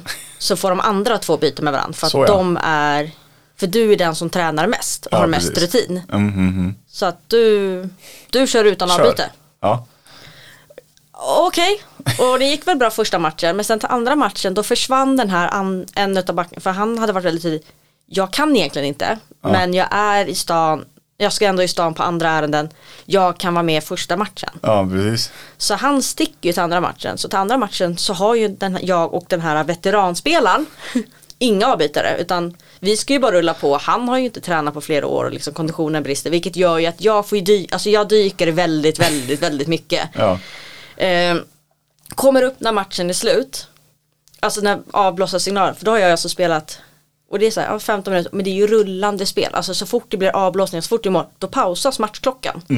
För att det är ju 15 minuter effektivt spelande som man räknar. Så det är ju liksom 30 minuter per match som är effektivt. Alltså det är en timmes effektivt som, där jag inte haft några avbytare överhuvudtaget. Jag har ju inte fått dricka vatten, ingenting liksom. Nej, nej. Jag har ju bara druckit vatten i mellanspel, alltså i pauserna Ja, liksom. precis. Eh, så när avblåsen kommer, jag kommer ju liksom inte upp ur vattnet själv utan liksom två av mina lagkamrater får ju liksom lyfta upp med varsin arm. Varav jag lägger mig på alla fyra, alltså liksom händerna mot en bänk. Ja. Och det är så här, och det är så adrenalinet på slaget släpper ju lite. Och jag är så slut, alltså, jag, är så här, inte, alltså jag hade klart att det gör ont i kroppen men framförallt jag är så slut. Så jag kan inte stoppa det utan jag bara drar av mig sklov och bara tårarna, alltså det bara rinner för att jag är så trött. Ja, och det gör så ont i kroppen och ah, det bara verkar, och bara, alltså tårarna och så Oh, kommer ju då en motståndare och bara Vad fan, behöver inte vara ledsen. Alltså det var, så, det var, en, det var en skitjämn match, du gjorde skitbra. Jag bara Jag skiter fullständigt i om vi förlorar. Jag är så jävla trött. Och då kommer ju min tränare, fantastiska tränare Anders. Då har han en liten påse med så kanelgifflar. Trycker i mig typ så här, två, tre kanelgifflar. Ger mig typ eh, vätskeersättning och bara så här, här och bara så här. Du skit i samlingen. Du går till barn, den uppvärmda barnpoolen och simmar av det. Bara simma, simma långa längder. Jag kommer att hämta dig om fem minuter. Tugga gifflarna på vägen dit och så gå och simma av det bara. Oh. Okej. Nej det var, ja, men som sagt, det var en, häft, det var en tung upplevelse men det var en jävligt häftig upplevelse för liksom kroppens skull. Ja, absolut. absolut. ja, det är minnesvärd. Mm, absolut. ja, nej. Eh, jag funderar fram och tillbaka vad jag ska börja med. Jag, jag, jag tror att jag börjar där jag var som bäst sist. Eh, så att eh, jag tänkte ta Kalmar-matchen har jag skrivit här. Och det är eh, på det SM som jag pratade om. Det en vecka efter att eh, vi jag hade brutit ben i foten. Så har vi SM på hemmaplan i Falun uppe på Lugnet. Och det är en stor anläggning med fyra planer så det är hur mycket lag som helst. Jag tror att vi var över 20 killag och det var åtminstone en 10-12 eh, tjejlag också med. Vilket i dagens mått mätt är jättemycket för att sporten har blivit mindre tyvärr. Eh, Men det är liksom hur mycket lag som helst där och vi lyckas ta oss till kvartsfinal. Eh, vi, är, vi vet att vi är ett av Sveriges bästa lag. Eh, vi, eller liksom topp fyra, topp fem någonstans där. Liksom, sådär. På bra dag så kan vi vinna SM och på en dålig dag så kommer vi sämst femma. Sk- Skulle jag säga. Eh, vara lite kaxig. Och vi ska möta Kalmar. Och Kalmar, i våran sport, det har jag glömt att säga lite, att det finns inga domare i våran sport. Utan varje, Nej, det. Nej, varje spelare dömer själv. Eh, och det kan ju låta lite skevt, liksom sådär, fuskas det inte och sånt där. Nej, för vi har sportsmannaanda och eh, det är inte så att eh, du kan påkalla och säga nej men den här frisbeen den var ute. Utan det är en diskussion. Och är det så att man absolut inte är överens med varandra, för det händer ju liksom, du kan tycka att du slog på, eh, liksom du kom åt min hand efter att jag hade kastat frisbeen, för sånt händer ju. Som sagt, o, eh, oavsiktlig eh, närkontakt. Eh, Medan jag tycker att när jag kastade frisbeen så slog du på min hand så att jag tappade den. Och då blir det diskussion och så är man inte överens. Ja men då går frisbeen tillbaka igen. Eh, dit den spelades från senast och så spelar man därifrån i värsta fall. Liksom. Eh, men det är klart. Eh, och det finns massor av land ute i Europa också som eh, är min, mer eller mindre bra på den här fairplayen. Även om det funkar på VM-nivå så, så kan vissa utnyttja det här systemet lite grann. Och vi skulle möta Kalmar som var väldigt, väldigt så. De var väldigt fula i sina påkallningar. Fanns det en öppning för dem att påkalla? För alltså det blir, oftast är det att man bara släpper det för att båda hoppar in i samma situation och sånt där. Liksom, och det blir den här närkontakten. Men, men lite, alltså, ja. shit happens. Shit happens. Eh, men Kalmar var väldigt duktiga på att utnyttja det här och eh, var allmänt eh, kända för att hela tiden vara ganska sviniga i hur de spelade. De spelade väldigt fysiskt och väldigt fult. Samtidigt som de påkallade på alla andra medan det kanske var de som borde påkallas på. Och vinnarskallarna, jag var inte en vinnarskalle. Jag ville vinna till, till alla pris möjligt men jag blev, var inte en sån som liksom, eh, blev sur efter matchen om vi inte vann.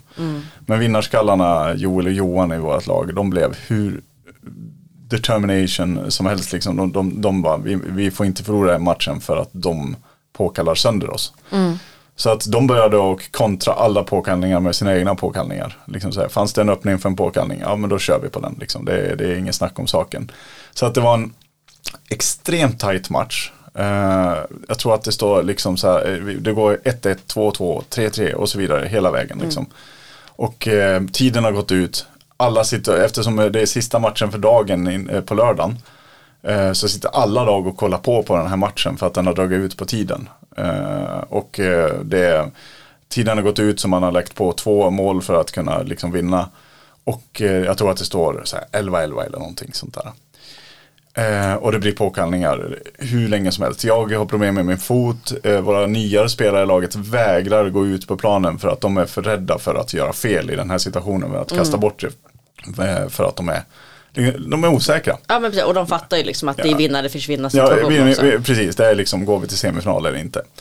Ehm, så att jag måste gå ut med min onda fot eh, och spela, eh, spela många byten. Eh, och just det här bytet, det sista bytet är inne. Vi har toppat såklart för att kunna ha störst chans att vinna. Det blir många påkallningar och till slut så lyckas vi få tillbaka frisbeen. Och jag, som den målmänniska jag är, jag bara sticker upp i vänster hörn utav planen. Och våran vänsterhänta spelare Sampe som var sista års eh, junior då har frisbeen. Och det gör att eftersom han är vänsterhänt så kan han kasta frisbeen på fel sida så att säga. Alltså han kan få en vinkel som, eh, som inte högerhänta spelare kan få. Och jag kommer ihåg att jag vänder mig om och det går ganska snabbt liksom att springa upp mot målzonen. Men jag vänder mig om och där börjar allting gå i slow motion. För att jag inser att jag har sprungit mig fri med 10 meter ifrån min försvarare. Det är en annan försvarare som också insett att oj, han är så jävla fri. Vi måste göra någonting åt det här. Så jag tittar bakom mig och de här, det är som två jättar för de är ganska stora de här killarna. Som bara springer efter mig i slow motion. Jag hinner komma upp i målzonen, står och väntar på att, för att jag ser att alldeles ovanför dem så kommer det här eh, perfekta bladkastet i rätt vinkel rakt mot mig. Och jag liksom ser att det, de kommer att komma hit ungefär samtidigt som frisbeen kommer till mig. Allt går i slow motion, jag hoppar upp. De kommer också hoppar upp. Det händer överallt och jag når precis upp längst, eh, längst och fångar frisbeen. Hinner titta ner så att jag verkligen, för det här är alltså precis på bakre målzonslinjen och är- hoppar man utanför planen så är det inte mål såklart, då är man ute. Och då går frisbeen till andra laget. Och det är svårt vid den här situationen att ta tillbaka den då. Eh, Men oavsett vad så, så tar jag den, titt, hinner titta ner och tår precis in, innan eh, sista eh, målzonslinjen här. Och där börjar allting gå, i, gå i, snabbt igen. För då, då är det nästan framspolat. För då kommer hela mitt lag och bara tackla in mig i väggen liksom sådär. Och alla skriker på läktarna, alla skriker i laget. eh, Och jag bara hamnar längst under i den här, eh, med min onda fot dessutom. Men jag känner inte av det. är sån jävla adrenalinkick. Och, det är en sån, jag, brukar, och jag ryser fortfarande nu när jag tänker tillbaka på den här matchen. Liksom, För att jag kommer ihåg känslan att slå Kalmar som liksom var ett sånt här lag som hade kommit från ingenstans. För de hade inte varit på turneringar och de hade plötsligt bara börjat vinna mot alla lag. För att de hade tränat själva liksom. Plus att de hade den där spelstilen.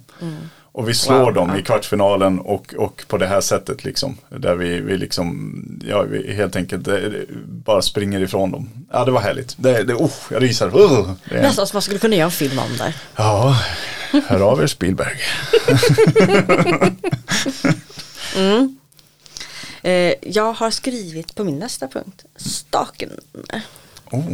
Ja, nej men det var under ett SM. Mm. Eh, där jag och mitt lag, vi har gått in i en SM-final. Mm. Eh, och då spelar vi, SM spelar vi ju kön, eh, an, annars är ju undervattensrugbyn generellt sett är att man spelar mixat kön och ålder. Men i eh, SM-sammanhang och större sammanhang, alltså på när vi pratar EM och VM och landslagsnivå, då separerar man och spelar män och kvinnor. Eh, och vi ska möta ett, eh, Skåne. Eh, och de är svinduktiga. Alltså de har vunnit SM i, vad tror det var, jag tror de ligger på 15 år i rad. Får danskar verkligen vinna SM? Eh, och vi insåg väl ganska snabbt att vi måste ha, alltså för att få dem ur, ur balans. För att eh, eh, även om vi har jätte, jätteduktiga spelare, vi har många spelare i vårt damlag som spelar i landslaget. Ja. Eh, men det har ju det här skånska laget också. Ja. Eh, de har ju också väldigt mycket landslagsspelare och väldigt mycket spelare med lång rutin och väldigt duktiga. Eh, så då måste vi hitta så här, vad är deras huvudlänk i spel? Och då har vi tittat under turneringen. Och då är det ju framförallt en tjej, eh, Anso heter hon. Hon är en utav, inte bara Sveriges bästa kvinnliga spelare, utan hon är en utav Sveriges bästa spelare. Mm, coolt. Eh, även Europa och, alltså hon är ju känd i, alltså i rugby, Ja. rugbyvärlden. Ja. Världs, världsmässigt, alltså Ja, är hon jäkligt känd. Hon är duktig, hon är, hon är en av de bästa spelarna jag någonsin nog kommer träffa, tror jag. Ja, ja. Ehm, och eh, jag får i uppgift utav våran tränare och eh, lagkaptenen att de säger, ja men Viking vi behöver prata med dig. Mm. Ja, hur jävlig känner du dig idag? Apropå att vara den lilla arga flickan. ja, ja, jag förstår. Eh, ja, jag är väl alltid på djävulshumör. Vad, vad är det ni vill att jag ska göra? Vi behöver någon som punktmarkerar Anso för att få deras spel ur spel. Ja, ja.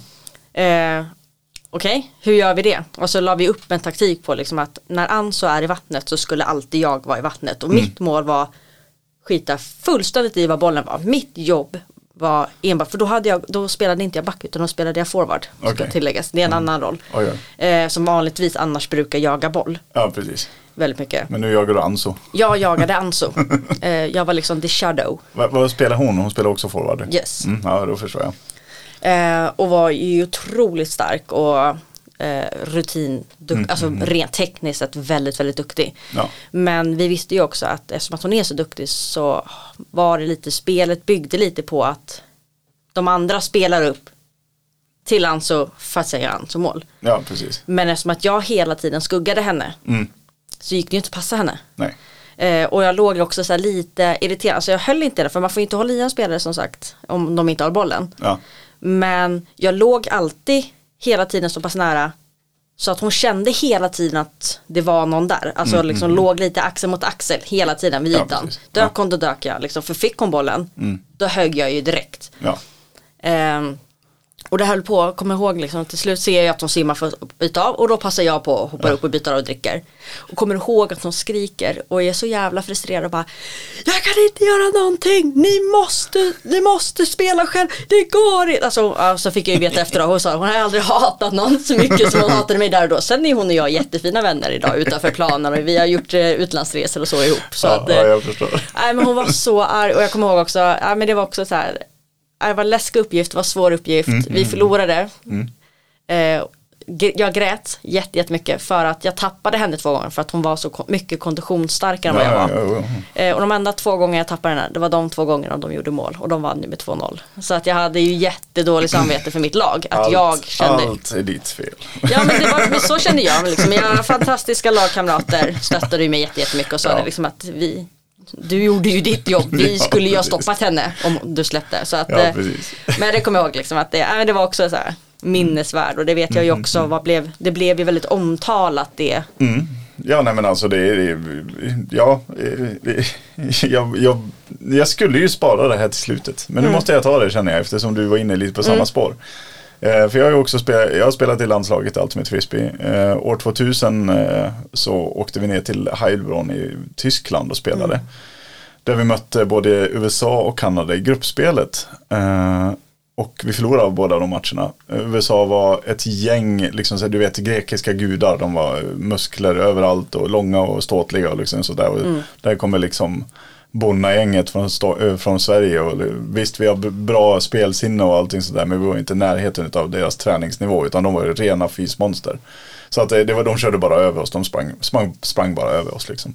Och Kanada, de hade en kille som var liksom en frisbeegud. Han var lång, han var bra på att kasta, han var snabb, han var, hade kondition, han hade spelförståelse, över, övernaturlig spelförståelse. Vi kallade honom, för, kallade honom för Bruce Springsteen, för han såg ut lite som Bruce Springsteen. eh, och han, han, han vann ju ensam matchen emot oss i gruppspelet. Men efter mycket om och men under turneringen eh, och bra coachande skulle jag säga, så tar vi oss till final efter att ha slagit USA i semifinalen eh, från ingenstans liksom för de flesta för att vi blev ju liksom ja, utskämda i princip i gruppspelet. Så att det var ingen som trodde på att Sverige skulle ku- kunna vinna liksom. Eh, men vi mötte Kanada då i finalen. Eh, och eh, jag kommer inte ihåg vem, om det var Mats eller Magnus utav landslagscoacherna som kommer fram till mig och säger Henrik, du eh, kommer ju spela offen. Och Bruce, han spelar ju varje poäng. För att det är det en stjärnspelare gör liksom. Eh, så att eh, du ser till att eh, liksom, han, när han håller dig, för han håller topparna. Så ska du bara springa. Du ska bara springa. Du, du behöver inte ens springa för att göra mål. Du ska bara liksom trötta ut honom. För- Rör på dig bara. Rör på dig hela tiden. Eh, och det är precis det jag gör. Jag, jag bara, så fort han är på mig, eh, för att vi var ju två toppar. Eh, om man var på Stefan gjorde väl Stefan samma sak i sig. Men, Mm. men han går oftast på mig för, för ja, ja, jag vet faktiskt inte. För Stefan var må, mer målfarlig. Skitsamma, han gick med oftast på mig. Ehm, och eh, jag, ba, jag bara springer över planen upp och ner hit och dit utan att vara i vägen för spelet. För att det är en risk när man bara springer liksom planlöst och sånt där. Och tröttar ut honom. Och vi, det funkar inte så bra. Eh, det funkar faktiskt inte alls. Eh, så att efter halvlek så står det 8-2 till Kanada. Och det ser ut att bli den här totala krossen. Eh, och jag kommer ihåg den här stunden när vi går in, liksom, vi har fått ett eget eh, omklädningsrum där liksom sitter 3 till 4 tusen på läktarna och bara tittar på oss. Vilket är en fantastisk känsla bara det. Eh, och alla är skittysta, du vet hur det kan vara när liksom, man är riktigt jävla pissed off för att vi gör bara fel och det, ingenting funkar. Och vi, får, eh, liksom, de bara, vi, vi bara känner så här, vi vill inte vara här liksom. Eh, och sen är någon av göteborgarna som bara som skriker, men vad fan! Och sen så börjar alla bara skrika, inte skrika något speciellt utan vi bara "Åh!" I typ fem minuter står vi och skriker allt vad vi har liksom sådär. Eh, totalt, inget taktiksnack, ingenting alls. Och så, sen så, eh, liksom så här, så lugnar Mats och Magnus ner oss liksom när det är typ 30 sekunder kvar, en minut kvar. Och bara, killar, vi vet vad vi ska göra. Vi går ut och så gör vi det. Och så gick vi ut och jag fortsätter på samma sätt och han börjar krokna. Han börjar falla av. Eh, och vi, från, liksom, vi fattar inte ens att det är sant. Men matchen slutar typ 17-10. De gör två mål efter halvlek. Vi gör 15. Det är fantastiskt känsla att vara med i landslaget inför så många och veta att man har bidragit. Och- jag gör mål också mot den här jävla killen. Vilket eh, ansågs vara omöjligt eftersom han var så jävla duktig liksom. Eh, och, och den känslan när man liksom har, har tagit sig fram hela vägen och, och, och när frisbee, jag stoppade tyvärr på sidan av planen sista målet men alltså då är man inte självisk utan man bara säger laget måste fokusera, vi måste få framåt, man hejar på, man hjälper, man skriker och man eh, allting sånt där. Och när, när frisbeen efter ett par påkallningar då också bara går in och det finns, ingen, det finns inget som kan stoppa det, det finns ingen påkallning de kan göra. Mm, allt exploderar och den känslan och veta att man är bäst i världen. Mm. Huh. Ja, det är fantastiskt. Ja, det är fantastiskt. Ja. och, vet, och just det att veta att jag, jag var med och bidrog väldigt starkt till det här. Så att ja, mm, Grattis! tack. Ja, eh, jag tänkte ta upp eh, Gotland har jag skrivit. Eh, Gotland. Eh, Även om jag har kanske högre referensram eh, när det kommer till matchspel och sånt. Så ja, men det är någonting med mina, jag brukar kalla dem för mina gubbar. Även om vi är blandade, eh, blandade tjejer och killar Ja, i vårt precis. lag. Men Ja, ja. jag kallar dem för mina gubbar. Vi åker ner till den här Gotlandsomgången jag pratar om i partyavsnittet. Eh, Och, så här, och bara så här, vi ska ha, ja men liksom alla åker ner med mentaliteten, ja men vi ska spela bra rugby och vi ska ha så jäkla kul. Alltså det är så här, alla har fått ledigt från fruar och sambosar och barn och det är jobb och liksom vi, så här, vi har en helg där vi är på en ö, vi kan, så det är ingen som kommer åt oss liksom. Vi kan som mest förstöra en ö. Ja men så här high on life liksom. Ja, det, precis. det, då, då är bra. Eh, och vi åker ner, kommer jag ihåg, och spelar och vi har, och vi har många med oss. Vi har liksom, vi kommer ner med ett fullt lag. Och det är liksom, ja men och alla är liksom svinpepp. Och vi spelar den första matchen och vinner den. Det är en bra Eh, början. Ja men det är också så här, och, det, och den, den vinsten. Mm. Alltså, och även om det är så här, och in, alltså vi trashar inte utan vi är liksom sportsmässiga Ja, så. ja, mm, Men alltså sen efteråt, alltså vi firar den här vinsten som att det är liksom att vi har vunnit ett VM-guld. Ja, ja, så här, det spelar ingen roll i serien, det spelar ingen roll alltså så för oss, den här vinsten. Mm. Men det var liksom hela den stämningen och det, åh, det var liksom, jag vill avsluta min lista med den liksom. ja, jag förstår det. Alltså den För det är det som är så någonstans det jag tycker är så fint med den här sporten liksom Mm. att det är Även de här, även om man kan komma upp och få, komma med i landslag eh, och spela på en hög nivå i SM och man kan spela Euroleague och sådana saker. Men det här, även liksom i de här klubblagen, alltså Mm, i klubblaget, att det är liksom någonstans en sån familjär, nära, rolig stämning och alla, alltså det spelar liksom ingen roll vad vi är för typ av människor Mm. utan i det här sammanhanget så bara funkar vi ihop och vi har så jävla roligt. Mm. Och det är bara så jävla mycket skratt och lycka. Ja, och nu svor alla- jag jättemånga gånger. Ja, det gör inget. Eh, och det beklagar ifall det är någon som känner sig, tycker All, det är jobbigt. alla men, våra avsnitt är eh, explicit så att Ja. de är förvarnade. ja, även, eh, även, och den känslan och det vill jag verkligen slå ett slag för. Mm. Alltså det är det, det är därför jag tycker undervattensrugby är Mm. en av de absolut mest fantastiska sporter jag någonsin har provat på och spelat. Ja. Eh, och varit involverad i. Den låter fantastisk. Jag, jag känner igen mig i frisbeen Mm. också. Den där, det, och det, jag tror att vi båda uppskattar den där stämningen som bara kan bli. Mm. Eh, jag har faktiskt skrivit upp eh, här i klubben i gemenskap. Men jag tänker bara ta den som en bu- bubblare innan jag går på min sista. Att det, det, det, just den här gemenskapen och speciellt nu i vuxen ålder när jag inte kan spela på samma nivå eller inte spela alls som det är just nu. Så, så är behållningen hur nära man kommer varandra och hur alla blir sedda och hörda och hur, vilken glädje det finns i att bara liksom spela tillsammans. Och när vi vinner matcher är det fantastiskt men vi har nästan lika kul när vi förlorar matcher. Och, det, och det, det tycker jag är en viktig grej och det är där idrotten kommer in och liksom för folk tillsammans. Vet, Det är så många av vårt lag som kanske aldrig hade umgåtts annars. Liksom, så. Eh, Men, men- jag jag ska komma in på min sista grej här och jag tänkte faktiskt frångå ultimaten nu. Hör och häpna. Eh, vi har, ju- jag har ju pratat om frisbeegolfen. Och jag har ett speciellt minne eh, som jag delar med eh, ja, tre goda vänner. För att så här är det, i discgolfen så finns det något som heter lag-SM.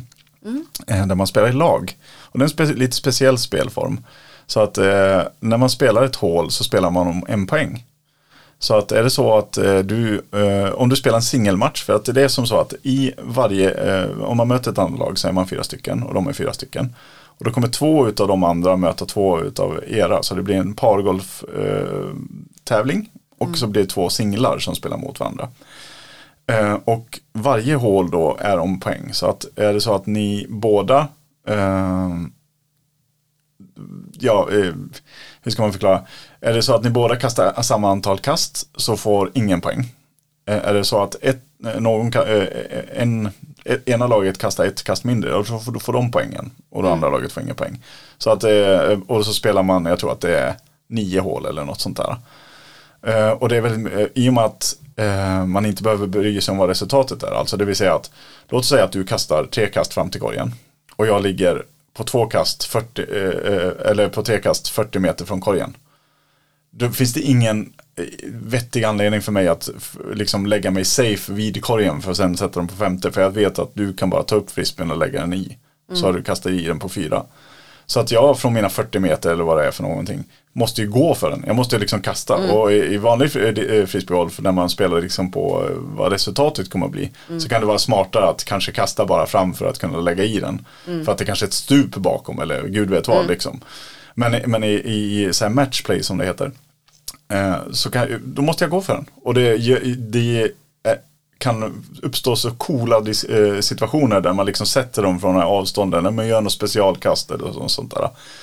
Eh, och, och, och, jag tycker väldigt mycket om den spelformen. Eh, och det var som så att vi skulle möta Brunna som är ett av de, eller var då ett av de bästa lagen i Sverige. Liksom. Och de hade spelare som hade varit, varit med och kommit tvåa i VM.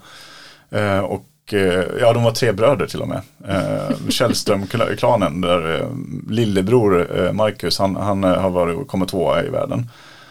och han spelade en av singelmatcherna. Sen var det en, någon annan som spelade en andra singelmatch. Men jag och min kompis Mikael ifrån, ja vi spelade för Jönköpingsklubben när jag bodde där. Vi möter de andra två bröderna Källström. Som båda är, har liksom spelat för evigt och båda är toppnivå. Anders var väl lite bättre än Fredrik men spelar roll. De är liksom bröderna de Källström. Bra. De är jäkligt bra. Det är liksom mm. så här Eh, som att, eh, om, om Marcus då var Zlatan så är de här andra liksom Thomas Brolin och eh, Henrik Larsson. Jag måste ändå säga imponerad av dina fotbollsreferenser. Ja, nej, men jag försöker det. Jag, mm. faktiskt, ja. Eh, men men eh, vi, vi, möter dem och vi har, de, alltså laget, för vi är andra laget i Jönköpingsklubben dessutom, så vi är inte ens första laget.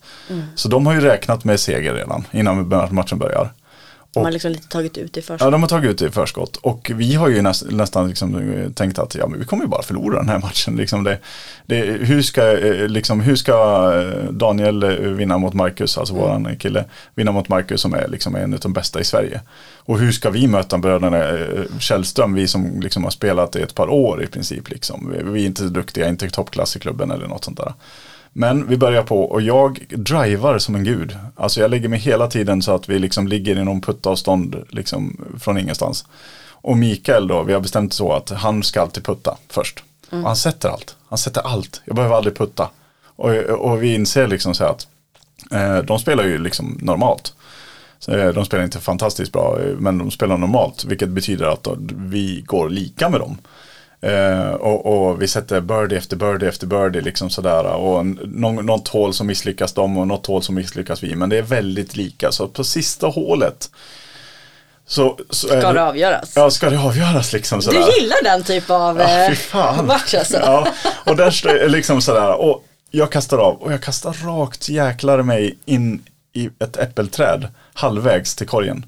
Det är första driven som jag gör riktigt jävla i ruttet. Mikael har inte behövt ha någon press på sig för att det är så att båda kastar av och sen väljer man bästa läget. Mm. Um, Micke har inte haft någon press på sig på sina liksom, drivers alls utan han har bara kunnat komplettera och sett om han kan hitta, om han kan sätta den i princip. Liksom. Det har varit på den nivån. Mm.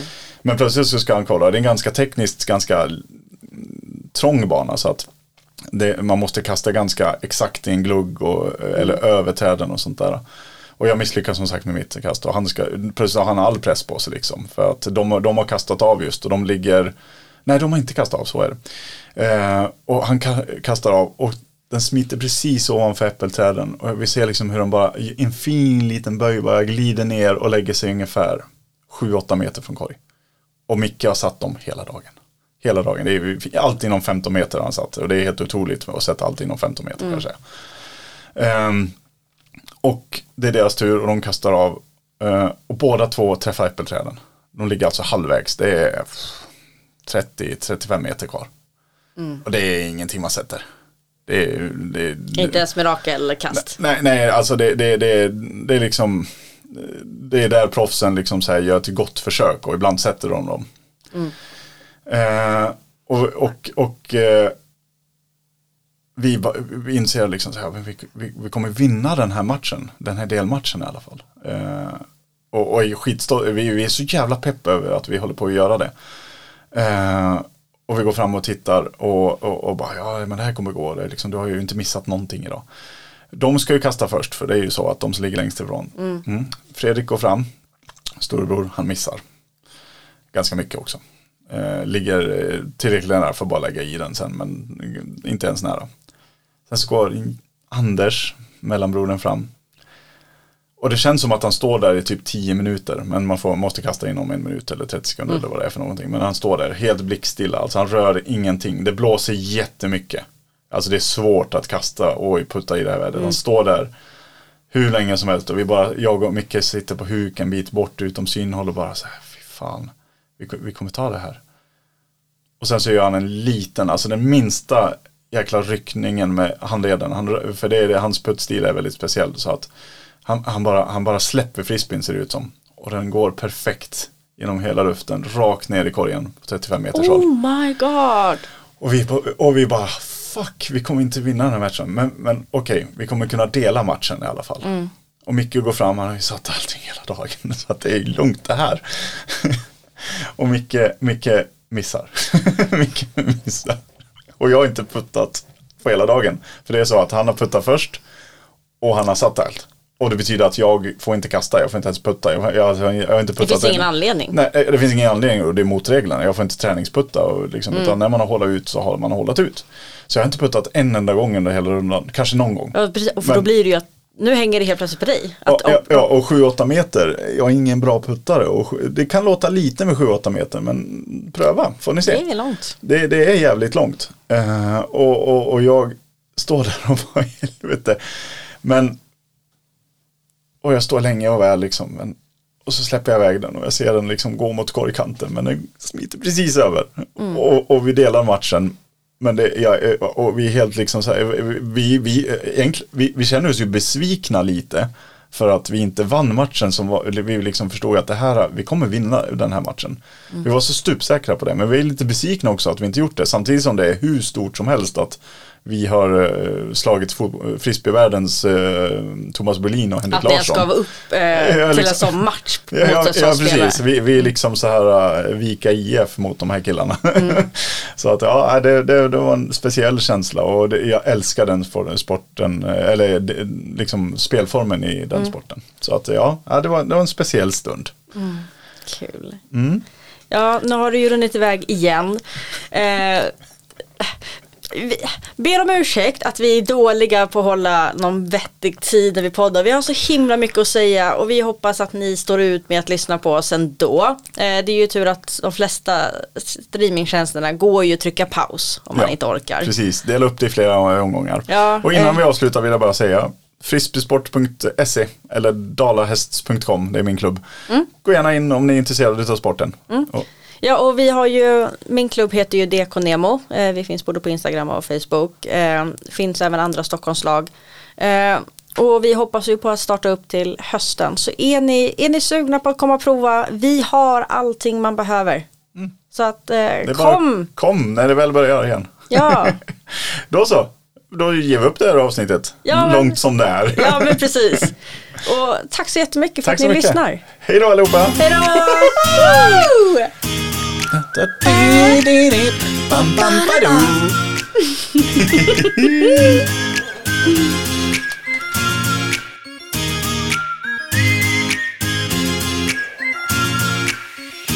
Ja, tack för denna gång. Ni hittar oss som sagt på sociala medier, Instagram och Facebook, Viking och Montin Podcast. Och ni kan mejla oss på vikingmontin.gmail.com. Hej då!